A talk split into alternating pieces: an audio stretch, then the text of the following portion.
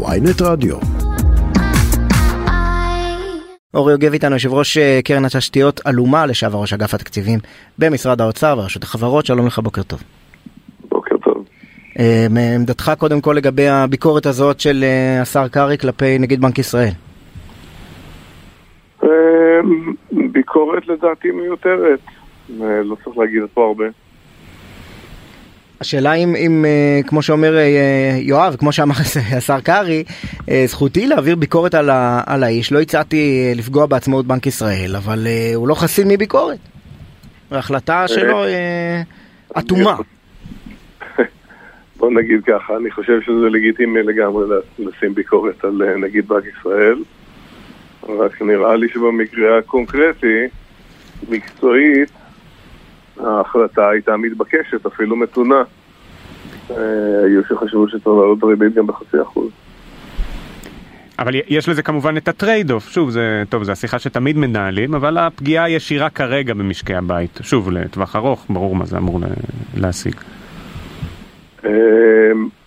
כן, ברור, עדיף היה שלא הייתה אינפלציה ולא היו צריכים לעלות את הריבית, אבל יש אינפלציה, ובאמת הכלי המרכזי שיש בידי בנק ישראל הוא הגדלת הריבית, והאינפלציה פוגעת בציבור בסופו של דבר משמעותית יותר מהגדלת הריבית עם, ה, עם הפגיעה שלה ב, באמת במשנה המשכנתאות. אומר קרעי בדברי ההסבר שלו אחרי הסערה שהתעוררה, אז הוא אמר לגופו של עניין, האם באמת ראינו שהעלאות הריבית הורידו את האינפלציה? התשובה היא לא. נכון, אבל זה לא אומר שזה לא הכלי. אחד, באמת האינפלציה, בחודשים האחרונים, לפחות קצב העלייה קצת התמתן.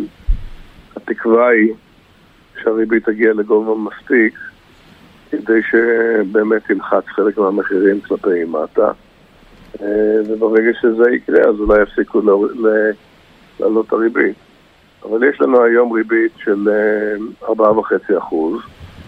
ואינפלציה של 5%, ואנחנו חייבים להכניס, להצליח להחזיר את האינפלציה לאזור ה-2.5-3%, ואז אולי להיכנס ליציבות מחירים, שזה, במובן הזה אנחנו מאוד לא שונים מהעולם. ברוב העולם זה מה שקורה עכשיו. טוב, בוא נדבר על uh, מסיבת העיתונאים שהייתה אחרי החלטת הריבית, כי שם uh, נגיד בנק ישראל, פרופסור אמיר ירון, uh, מדבר על יוזמות החקיקה של הקואליציה, ואומר ככה, אי הוודאות והאירועים שהיינו עדים להם בשבועות האחרונים הייתה באופן טבעי גם השפעה על הכלכלה. אני סבור שככל שתתקבל החלטה שמשקפת הסכמה רחבה, גם הכלכלה הישראלית תצא נזכרת, אבל משקיעים לא אוהבים אי ודאות, יש הרבה שיושבים על הגדר, והשורה התחתונה שהוא מדבר עליה זה אם החוקים האלה יעברו כלשונם, הפסד של מיליארדים מדי שנה למשק, עם עלייה בפרמיית הסיכון, ירידה בהשקעות, ירידה בצריכה הפרטית, ירידה בביקוש לייצוא, הוא נתן שם איזה חישוב. עד כמה ברצינות אנחנו צריכים לקחת את החישובים האלה, שהם ספקולטיביים מעצם טבעם? החישובים באמת לא מאוד חשובים, זה ברור לגמרי, אבל שאם החקיקה הזו הייתה עוברת כמו שהיא, אז היה פה משבר כלכלי מאוד חריף, הרבה יותר מזה שאנחנו בעצם כבר נמצאים בתוכו. משקיעים שיוצאים, דולר שעולה מאוד, ריבית שעולה עוד הרבה יותר, כל הדברים האלה ברור שיקרו. האם זה יפגע ב-20 מיליארד או 50 מיליארד שקל בשנה, לדעתי, לרוב האנשים זה לא, לא אומר שום דבר המספרים האלה, זה פשוט פגיעה כלכלית, שבסופה באמת אה, מיתון, יותר אבטלה, פגיעה אדירה בחלק מהתעשיות. כל הדברים האלה לדעתי הם די, די ברורים אליהם. הייתי אומר עוד משהו. אני חושב שעצם ה... ה... האירוע של המהומה הגדולה שמתרחשת פה כבר, זה כבר יותר משבועות. שלושה חודשים. ב... כן, יש לזה ביטוי כבר עכשיו, ב... אולי אפילו בהחלטה הזו. הדולר למשל היה יכול להיות 7-8 אחוז יותר חזק ממה שהוא היום, ואז היה לנו פחות אינפלציה, ואולי גם לא חייבים לעלות ריבית. אתה גם קושר למשל את הירידה בהשקעות בהייטק שהייתה לזה, או שאתה לאו דווקא חושב שזה כל כך מהר עובד? כן, אבל, אבל הבעיה שלנו באמת שיש לנו אירוע על אירוע. זאת אומרת, המצב הכלכלי בעולם כולו הוא בעייתי, ובתעשיית ההייטק במיוחד, אז היינו נפגעים בכל מקרה. מה שקורה בחודש-חודשיים האחרונים זה שיש הרבה מאוד אה, חברות הייטק טובות, שבגלל הסיטואציה של האי-ודאות, המשקיעים לא משקיעים ומחכים, ו... וזה פגיעה על פגיעה. Uh, אתה היית יושב ראש רשות החברות, אפילו כתבת ספר על uh, מה שעשית שם. עכשיו אה, דודי אמסלם, אה, השר במשרד המשפטים, מנסה עוד פעם, אחרי שכבר הוא ניסה בעבר, אה, להשיג שליטה על רשות החברות. הוא גם יצא בזמנו, ואני מתאר לעצמי שגם עכשיו יש לו בעיה עם נבחרת הדירקטורים שאתה הקמת. מה, מה דעתך בניסיון שלו עוד פעם להשיג שליטה על הרשות? קודם כל ראיתי אתמול בתקשורת שסמוטריץ' את נושא המינויים רוצה לשמור לעצמו, אז נכון. בואו נקווה, אולי זה יצליח. תשמעו, זה זה בסך הכל די דומה.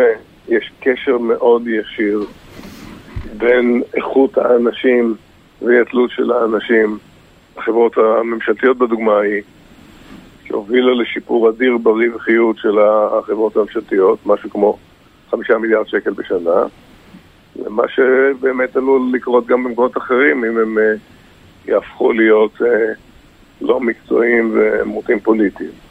אז uh, אני מאוד מקווה שבסופו של דבר, אה, גם אם ייתנו את הסמכויות, אה, בתוך השיווי משקל הזה בין הלחצים לג'ובים לבין באמת המערכות שעדיין שומרות על, ה, על החברות, אה, הם עדיין נשמרו באיזושהי צורה על החברות.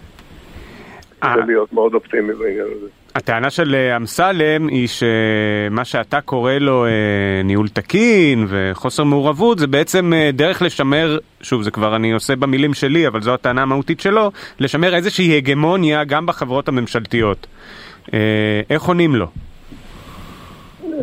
אתה יודע, לפעמים יש דברים שממש ניתן להוכיח, אם יקחו, ובאמת הבאנו את זה כמה וכמה פעמים, אם לוקחים את התמהיל של הדירקטורים לפני הנבחרת, רואים כמה היו שם נשים וכמה היו שם אה, בעלי מוגבלויות וקבוצות אה, אוכלוסייה מודרות נגיד, לעומת מה שהיה בנבחרת, המצב שם דווקא מאוד עלה, ומסתבר שאפשר גם לשפר מאוד את הגיוון של האוכלוסייה שמגיעה לדירקטוריונים וגם להקפיץ בצורה דרמטית את הרמה המקצועית שלה. וזה בעצם המטרה של כולנו. זה שמישהו אומר שזה, ש, שזה בא משיקולים אחרים, זה לא אומר שזה נכון.